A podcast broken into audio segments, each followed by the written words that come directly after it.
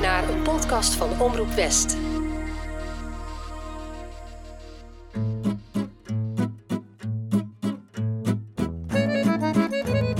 Bonjour, mijn naam is Tess. En leuk dat je luistert naar het tweede seizoen van Enchanté, de chanson podcast. Dit is seizoen 2, aflevering 1. En route.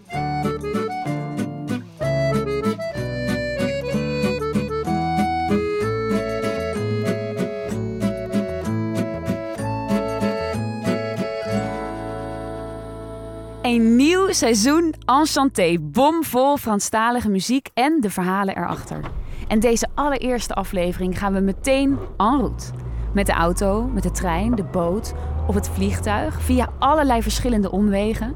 Je hoort Michel Fugain, Y a le printemps qui te réveille, t'as le bonjour du printemps. Vanessa Paradis Je le taxi. en Charles Trenet. La mer.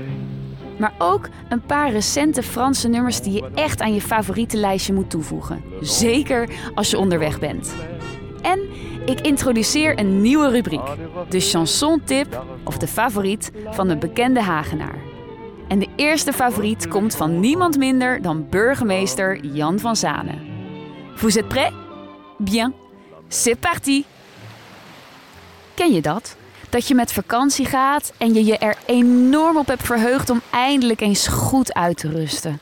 Op het strand te liggen. Dat ene boek te lezen dat je al tijden verwijtend aanstaart vanuit de boekenkast. Of gewoon lekker elke dag een stukje te fietsen. Maar dat je geliefde dan precies wat anders wil. Jacques Brel weet precies hoe je je voelt.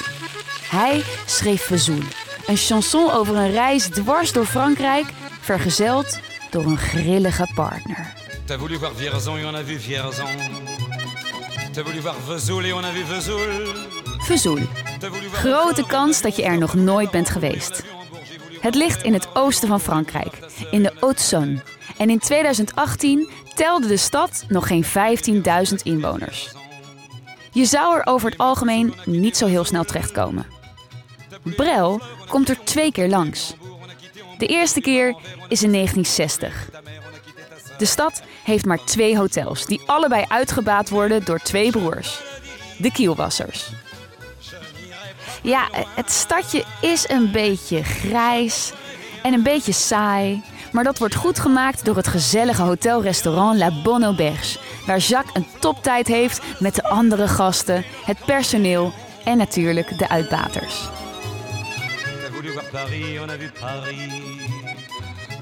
Op een dag zal ik een saai grijs liedje over Vezoul maken, vertrouwt hij hen toe. Voordat hij dat doet, komt hij er jaren later nog één keer terug. En de verhalen hierover lopen een beetje uiteen. De een zegt dat het in 1966 was, volgens de ander was het 1967. De een beweert dat hij autopech had en er toevalligerwijs strandde. Maar de meest voor de hand liggende reden is een noodstop op het vliegveld van Vezoul tijdens zijn afscheidstournee. Dit keer verblijft hij in het andere hotel, Hotel du Nord. Wikipedia weet zelfs te melden dat hij in kamer 246 sliep, een kamer ter grootte van 25 vierkante meter, en dat hij er die avond forel at. Tartare de truite fumée à froid, accompagné d'agrumes, de coriandre et de rôti. Je zou het maar willen weten. Brel is dus twee keer in Vezoul geweest. Komt dat liedje er nou al? Nee, nog niet. Want zoals je misschien net al had kunnen vermoeden, was onze Jacques in 1967 op afscheidstournee. Hij is helemaal klaar met het liedje zingen en hij wil zich richten op nieuwe uitdagingen. Explique-moi par quel miracle ce briquet est arrivé sur mon bureau. Acteren. In musicals en in films. Bonjour Catherine. Bonjour madame. Maar in de zomer van 1968 weet zijn producer Eddie Barclay hem te overtuigen om toch met een nieuw album te komen. Brel voelt er vrij weinig voor, maar laat zich toch overhalen. Er zitten namelijk wel heel fijne financiële voordelen aan de nieuwe plaat. En Jacques, die heeft nog een zak geld nodig.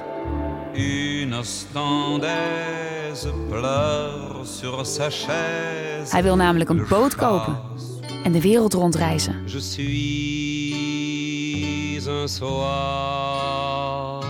d'été.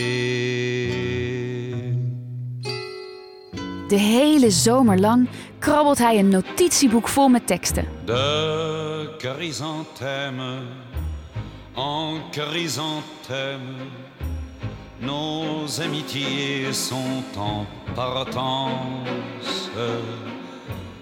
Ça sent la bière de Londres à Berlin.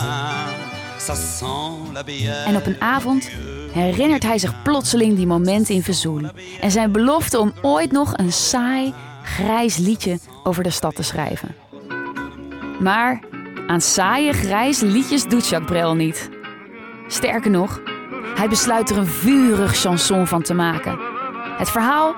Jacques reist met zijn partner kriskras door Frankrijk, van Vesoul tot Vierzon, via Honfleur en Antwerpen, op het ritme van de grillen van zijn vriendin die de stad nog niet gezien heeft of er al op uitgekeken is en naar de volgende plaats wil. Bloedirritant. En bovendien is ze gek op de liedjes van die andere Jacques, de 15 jaar jongere en razend populaire Jacques Dutronc. En dat moet deze arme Jacques dus de hele tijd aanhoren. Om zijn frustratie kracht bij te zetten, moet er zo'n irritant fiedelende accordeon bij, vindt Jacques. Want als hij ergens een hekel aan heeft, dan is het accordeonmuziek. Nog geen maand later duikt de artiestenstudio in, aan de Avenue Hoche in Parijs. En hij zet het nummer er samen met zijn muzikanten in twee takes op. Het is de eerste keer dat hij samenwerkt met accordeonist Marcel Azzola. En midden in de tweede take spoort hij Marcel aan om sneller te spelen. Chauffe Marcel, chauffe! Het is totale improvisatie. Zowel deze woorden als de partijen die Azzola speelt.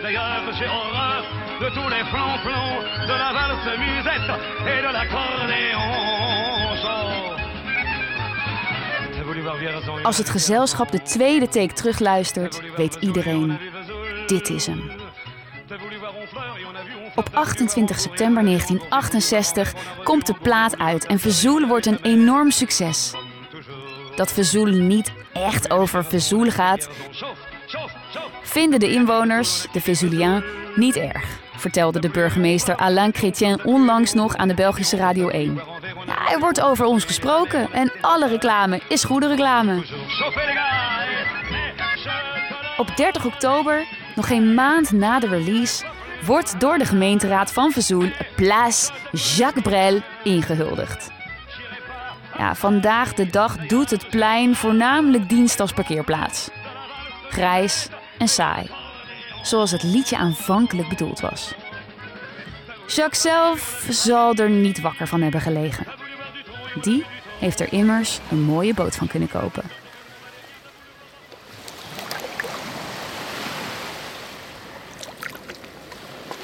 Je luistert naar Enchanté, de chanson podcast. Mesdames et messieurs, je vous présente la chanson préférée de Monsieur le maire Jean van Zanen. Dag Tess, Jan van Zanen hier. Voor mij is een eh, favoriet chanson aller tijden A Bicyclette. Een echte klassieker in de versie van Julien Clerc. Op de fiets overplaats ik me graag naar ons mooie Den Haag. En het ultieme fietsevenement is natuurlijk de Tour de France. En als jochie, werkend in de kaaszaak, de kaasgroothandel van mijn ooms, in de zomer, in de jaren 70, begin jaren 80. En altijd die Tour de France, altijd die Franse muziek. Heerlijk. En raad dus, volgend jaar zomer eindigt de allereerste etappe van de Tour de France van me. Voor het eerst in een buitenland. En dat is in Nederland, in Den Haag, dus in onze stad. Ik verheug me er nu al op. A biento. À bicyclette.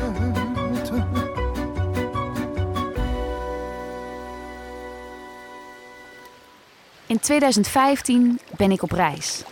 Met mijn backpack. Mijn plan?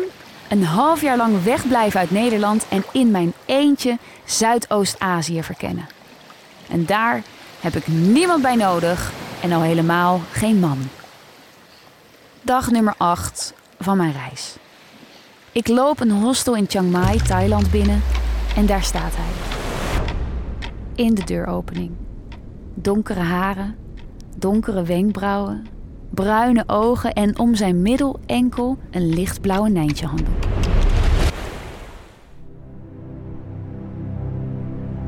Ik ben op slag verliefd op deze Australiër. Twee dagen lang zweven we door de straten. Terwijl de geluiden en geuren van de stad ons omringen, praten we over van alles wat ons bezighoudt. Hij vertelt over zijn liefde voor de muziek uit The Great American Songbook en ik, ik vertel over mijn passie voor het chanson.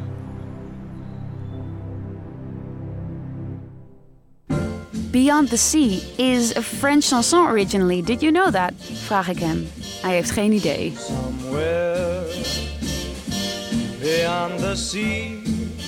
En ik wil helemaal niet nadenken over de Engelstalige tekst, want ik, ik wil nog lang geen zee of oceaan van hem verwijderd zijn. En ik vind het ook nog veel te vroeg om, om te hopen dat hij op me zal wachten.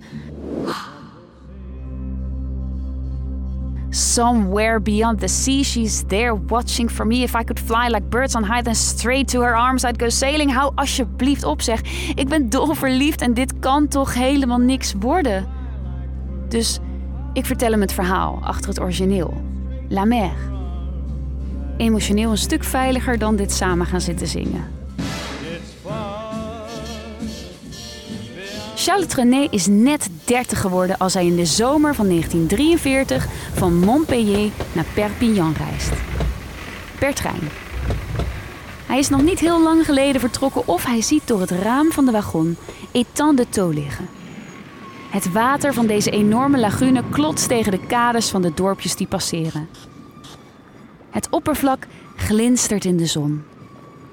Daarnet zat Charles nog een beetje te mijmeren, maar plotseling wordt hij overspoeld door een golf van inspiratie.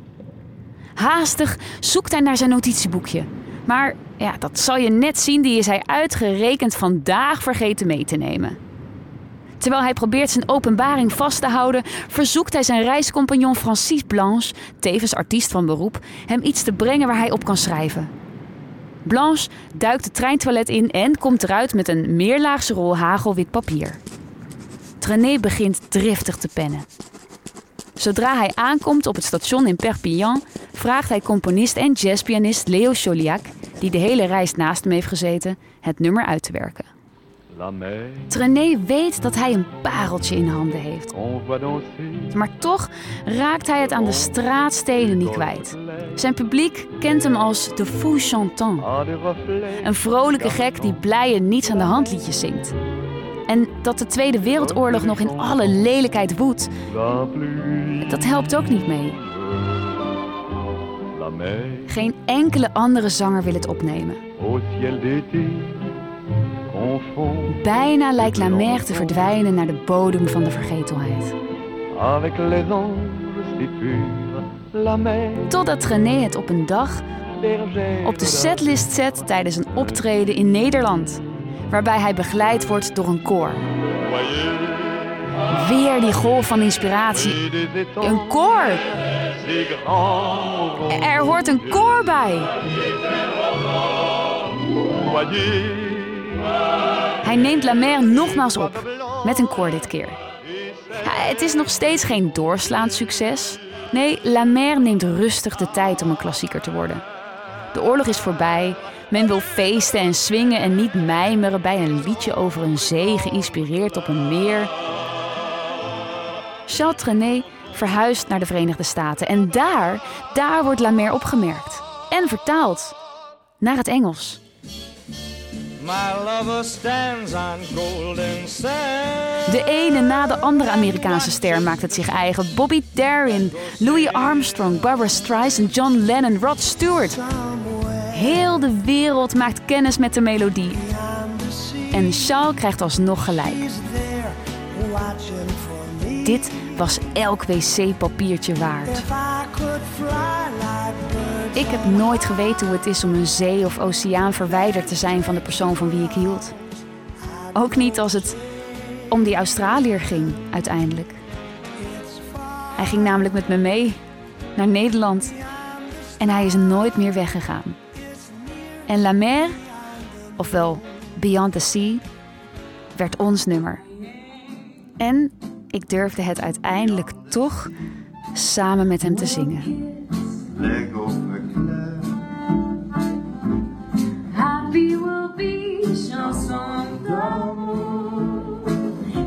Je luistert naar Enchanté, de chanson-podcast. We staan op het punt om door de verlichte straten van nachtelijk Parijs te scheuren. Op de achterbank van een gele taxi met een chauffeur die zichzelf Joe noemt. Door de autospeakers klinken Latijns-Amerikaanse rumba en mambo. We rijden langs de Seine, langs de bekende cafés en de meest onbekende en donkere hoekjes. We gaan het hebben over een enorme hit uit 1987 die de Franse landsgrenzen ver achter zich liet in een tempo dat de toegestane maximumsnelheid met gemak overschreed. Dit is Joe le Taxi. Was het een hit dankzij de twee mannelijke schrijvers, Frank Langolf en Etienne Rodagil, of dankzij de vrouwelijke inspiratiebron en de muze? Om hun verhaal te vertellen gaan we terug naar de jaren 70. Maria José Leao dos Santos is nog jong als ze het autoritaire regime in Portugal ontvlucht. Vrouwen in het algemeen worden zwaar onderdrukt, maar homoseksuele vrouwen zijn al helemaal niet veilig in de Estado Novo. Zodra Maria José's moeder ontdekt dat haar dochter op vrouwen valt, brengt ze haar naar een geestenuitdrijver en laat ze haar intrek nemen in een klooster. Maar Maria José laat zich niet opsluiten. Ze ontsnapt en vlucht naar Frankrijk, waar ze terechtkomt in een voorstad van Parijs. Het is hard werken om rond te komen. Ze doet allerhande klusjes en is kinderoppas, maar wordt enorm uitgebuit. Bovendien heeft ze amper vrije tijd en dat terwijl ze s'avonds zo graag naar de Parijse discotheken en bars gaat, met name de uitgaansgelegenheden voor de LGTBI-gemeenschap. Dankzij een uitbaatster van verschillende populaire discotheken begint ze te chauffeuren voor celebrities. En daarmee valt ze op. Er zijn dan immers weinig vrouwen die als taxichauffeur werken. Ze brengt sterren als Dalida, Nicoletta en Julia Roberts van A naar B, maar groeit zelf uit tot een icoon in de gay scene dankzij haar sterke karakter, haar jongensachtig uiterlijk en haar openheid. Op een avond stapt niemand minder dan de bekende tekstschrijver Etienne Rodagil in haar auto. Maria José draait dan net iets van de Peruaanse zangeres Ima Sumac, waar Rodagil helemaal gek van is. De twee raken aan de praat en Maria José doet haar levensverhaal uit de doeken. Aan het einde van de rit is Etienne Rodagil zo gefascineerd dat hij haar vraagt of hij een lied over haar mag schrijven. Dat vindt Maria José geen probleem. Als de tekstschrijver uitstapt, vraagt hij nog snel haar naam. Bienvenue, c'est Joe. Noem me maar Joe, roept ze hem na. Een idee is geboren. En dan de muze. Hier hoor je haar. Op zevenjarige leeftijd. Je m'appelle Émilie Jolie. Je voudrais partir avec vous tout au bout. Vanessa Paradis is eind jaren 70 te gast in het tv-programma L'École des Fans, waar ze een liedje mag zingen.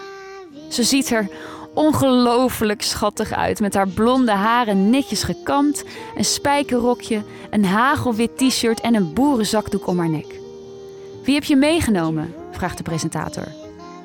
Haar vader, moeder en peetvader zitten in de zaal. Haar peetvader en oom Didier Pain is acteur. En dankzij hem is ze hier. En ome Didier is dol op zijn nichtje. Hij neemt haar heel graag mee op sleeptouw. En een paar jaar later zorgt hij er zelfs voor dat ze haar grote idool kan ontmoeten. De jonge actrice Sophie Marceau, waarvan Vanessa posters in haar kamer heeft hangen en wie ze beschouwt als haar rolmodel. Deze Sophie Marceau neemt toevallig net een album op met een goede vriend van ome Didier, de componist Frank Langolf.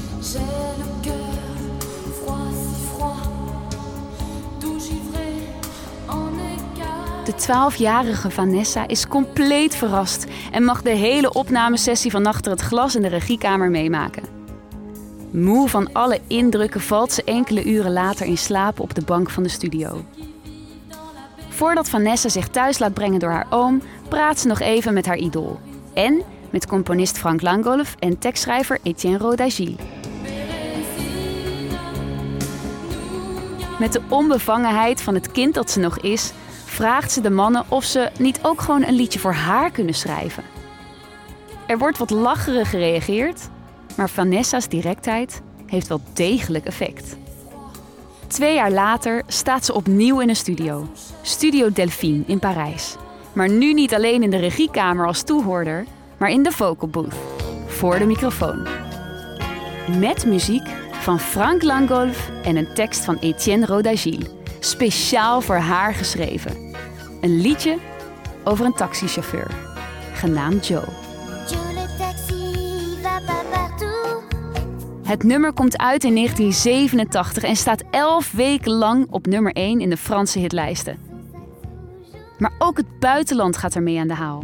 Zweden, Duitsland, Italië. Prendiamo un taxi e andiamo a farci una bella passeggiata musicale. Joy le taxi, Vanessa Paradis. het Verenigd Koninkrijk.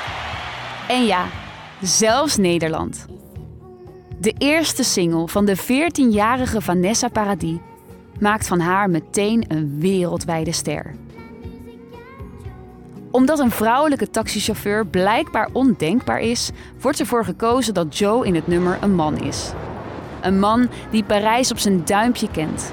De Seine en haar verlichte bruggen, alle kleine barretjes en donkere hoekjes. Een man die niets moet hebben van frisdrank, maar rum drinkt en luistert naar de muziek van iconen als Ima Sumac. Gelukkig weten wij nu beter. Joe Le Taxi was een vrouw. En ze heette Maria José Leao dos Santos. Deze Joe heeft nooit financieel de vruchten kunnen plukken van het succes van Joe Le Taxi. Ze heeft nog Etienne Rodagil, nog Vanessa Paradis zelfs ooit ontmoet. En in 2019 overleed ze op 64-jarige leeftijd. Wie dit nummer hoort en zich de videoclip uit 1987 nog herinnert, zal het misschien associëren met een 14-jarig meisje in een oversized sweater, die de hoofden van jongens en mannen op hol deed slaan. Maar laten we het vandaag de dag zien als een uitnodiging tot meer tolerantie en een viering van vrouwen die hun mannetje staan. Want dat deden en doen de inspiratiebron en de muze van dit verhaal allebei. Op hun eigen manier. Enchanté, de chansonpodcast. Niet alleen Charles Trenet was rond de 30 jaar toen hij een van zijn grootste hits schreef. Ook Michel Fugain tikte deze leeftijd aan toen Une Belle Histoire tot stand kwam. In tegenstelling tot Trenet had Fugain geen idee dat hij goud in handen had. Dat wist de wereld eerder dan hij. C'est un beau roman, c'est une belle histoire. Begin jaren 70 is Michel Fugain in de ban van de hippiebeweging. Hij richt een artistiek collectief op. Een verzameling van buitengewone persoonlijkheden met bijzondere talenten. Die niet in het hokje passen dat op dat moment in Frankrijk de norm is. Een big bazaar van mensen. Michel Fugain et le Big Bazaar.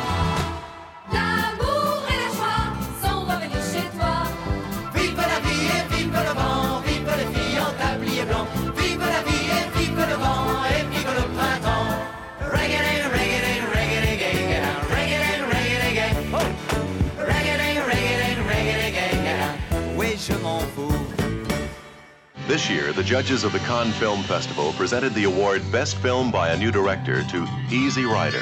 Geïnspireerd door Peace and Love en de Amerikaanse film Easy Rider It's the story of a man who went looking for America and couldn't find it anywhere. componeert Fugain een voor die tijd behoorlijk Amerikaanse melodie. Hij vraagt Pierre Delanoë een tekst te schrijven en die te baseren op een liefdesverhaal dat zich afspeelt op de Route 66. C'est un beau roman, c'est une belle histoire. Maar De Lanoé is er niet op gerust dat een liedje over deze historische autoweg zal aanslaan bij het Franse publiek. Doe, doe dan de A6. Ze discussiëren wat over en weer onder het genot van broodjes worst en een flesje wijn. En de eerste zinnen vloeien uit de pen van de Lanoé. Het is een mooie roman. Het is een mooi verhaal. Het is een romance van vandaag. Fugain trekte een zuur gezicht bij het woord roman en romance. Romantiek, man, we leven in de tijd van de vrije liefde, waar heb je het over? De Lanoé blijft bij zijn woorden. Maar vooruit, een portie vrije liefde voor meneer Fugain. We laten een jongen die richting het noorden gaat en een meisje dat naar het zuiden afreist elkaar kruisen. Bij een benzinestation of zo. Ze duiken samen de korenvelden in. Nou, iedereen weet precies wat daar gebeurt en hop, ze zwaaien elkaar gedag en ze gaan weer hun eigen weg. De middenweg is gevonden en hij gaat dwars door Frankrijk. Nog voordat de broodjes op zijn, hebben de heren het nummer afgeschreven. Sur l'autoroute des vacances, c'était sans doute un jour de chance qui cueillirent le ciel au creux de leurs mains. Une belle histoire komt uit in de zomer van 1972. Maar staat op de B-kant van de 45 toerenplaat Allez Bouge-toi. Oh, allez, bouge-toi! Oh, oh, oh, oh,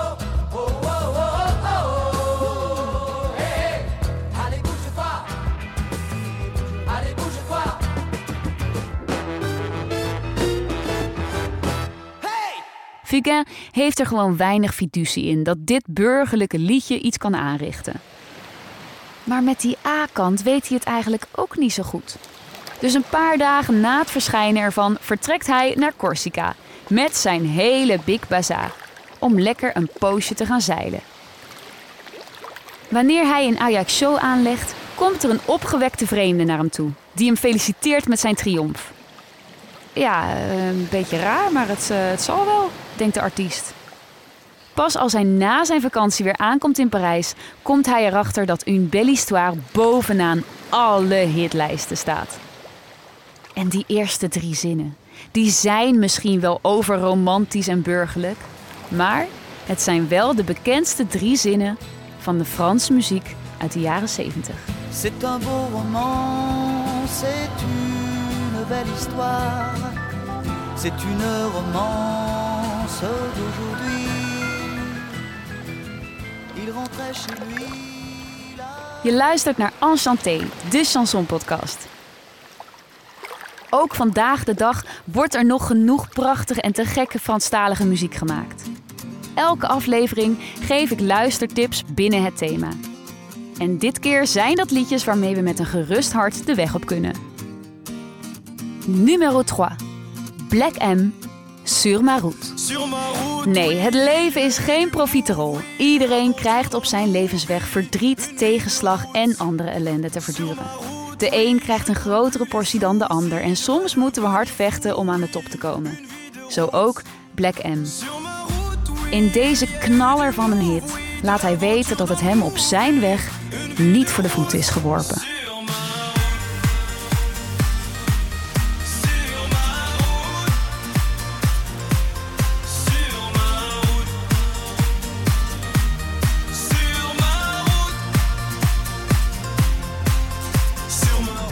Numero 2.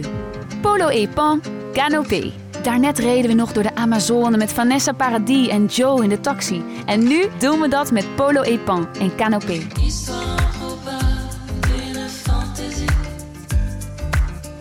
Daar, onder een bladerdak, keer je terug naar de basis. Ben je weer kind. Je luistert naar de vogelzang tussen de duizend jaar oude bomen in de wilde jungle.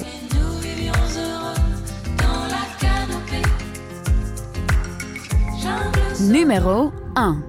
Voyou, seul sur ton tandem. Ja, je hoeft natuurlijk niet altijd het vliegtuig, de trein, de boot of de auto te pakken.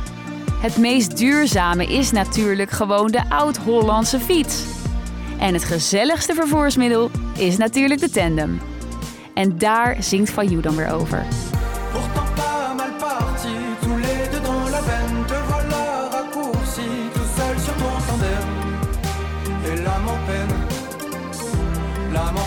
Pédalé pour deux. Pourtant pas mal parti, tous les deux dans la plaine. Te voilà raccourci, tout seul sur ton tandem. Et l'âme en peine, à traîner un fantôme. Toi tu vas dérailler. Een soort Franse versie van Spring maar achterop. Maar je moet hem wel meetrappen natuurlijk. We zijn op weg! Dit was de eerste aflevering van het tweede seizoen van Enchanté, de chanson podcast. Dankjewel voor het luisteren. In de volgende aflevering gaan we naar Parijs. Welke verhalen schuilen er achter de mooiste chansons van onder andere Juliette Gréco en Jacques Dutronc?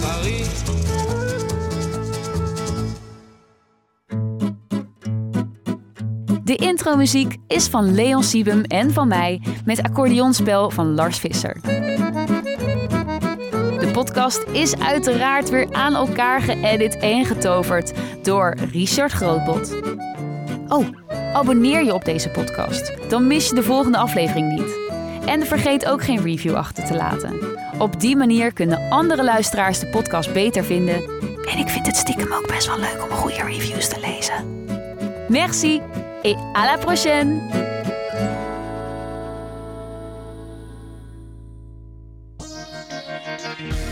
Was een podcast van Omroep West.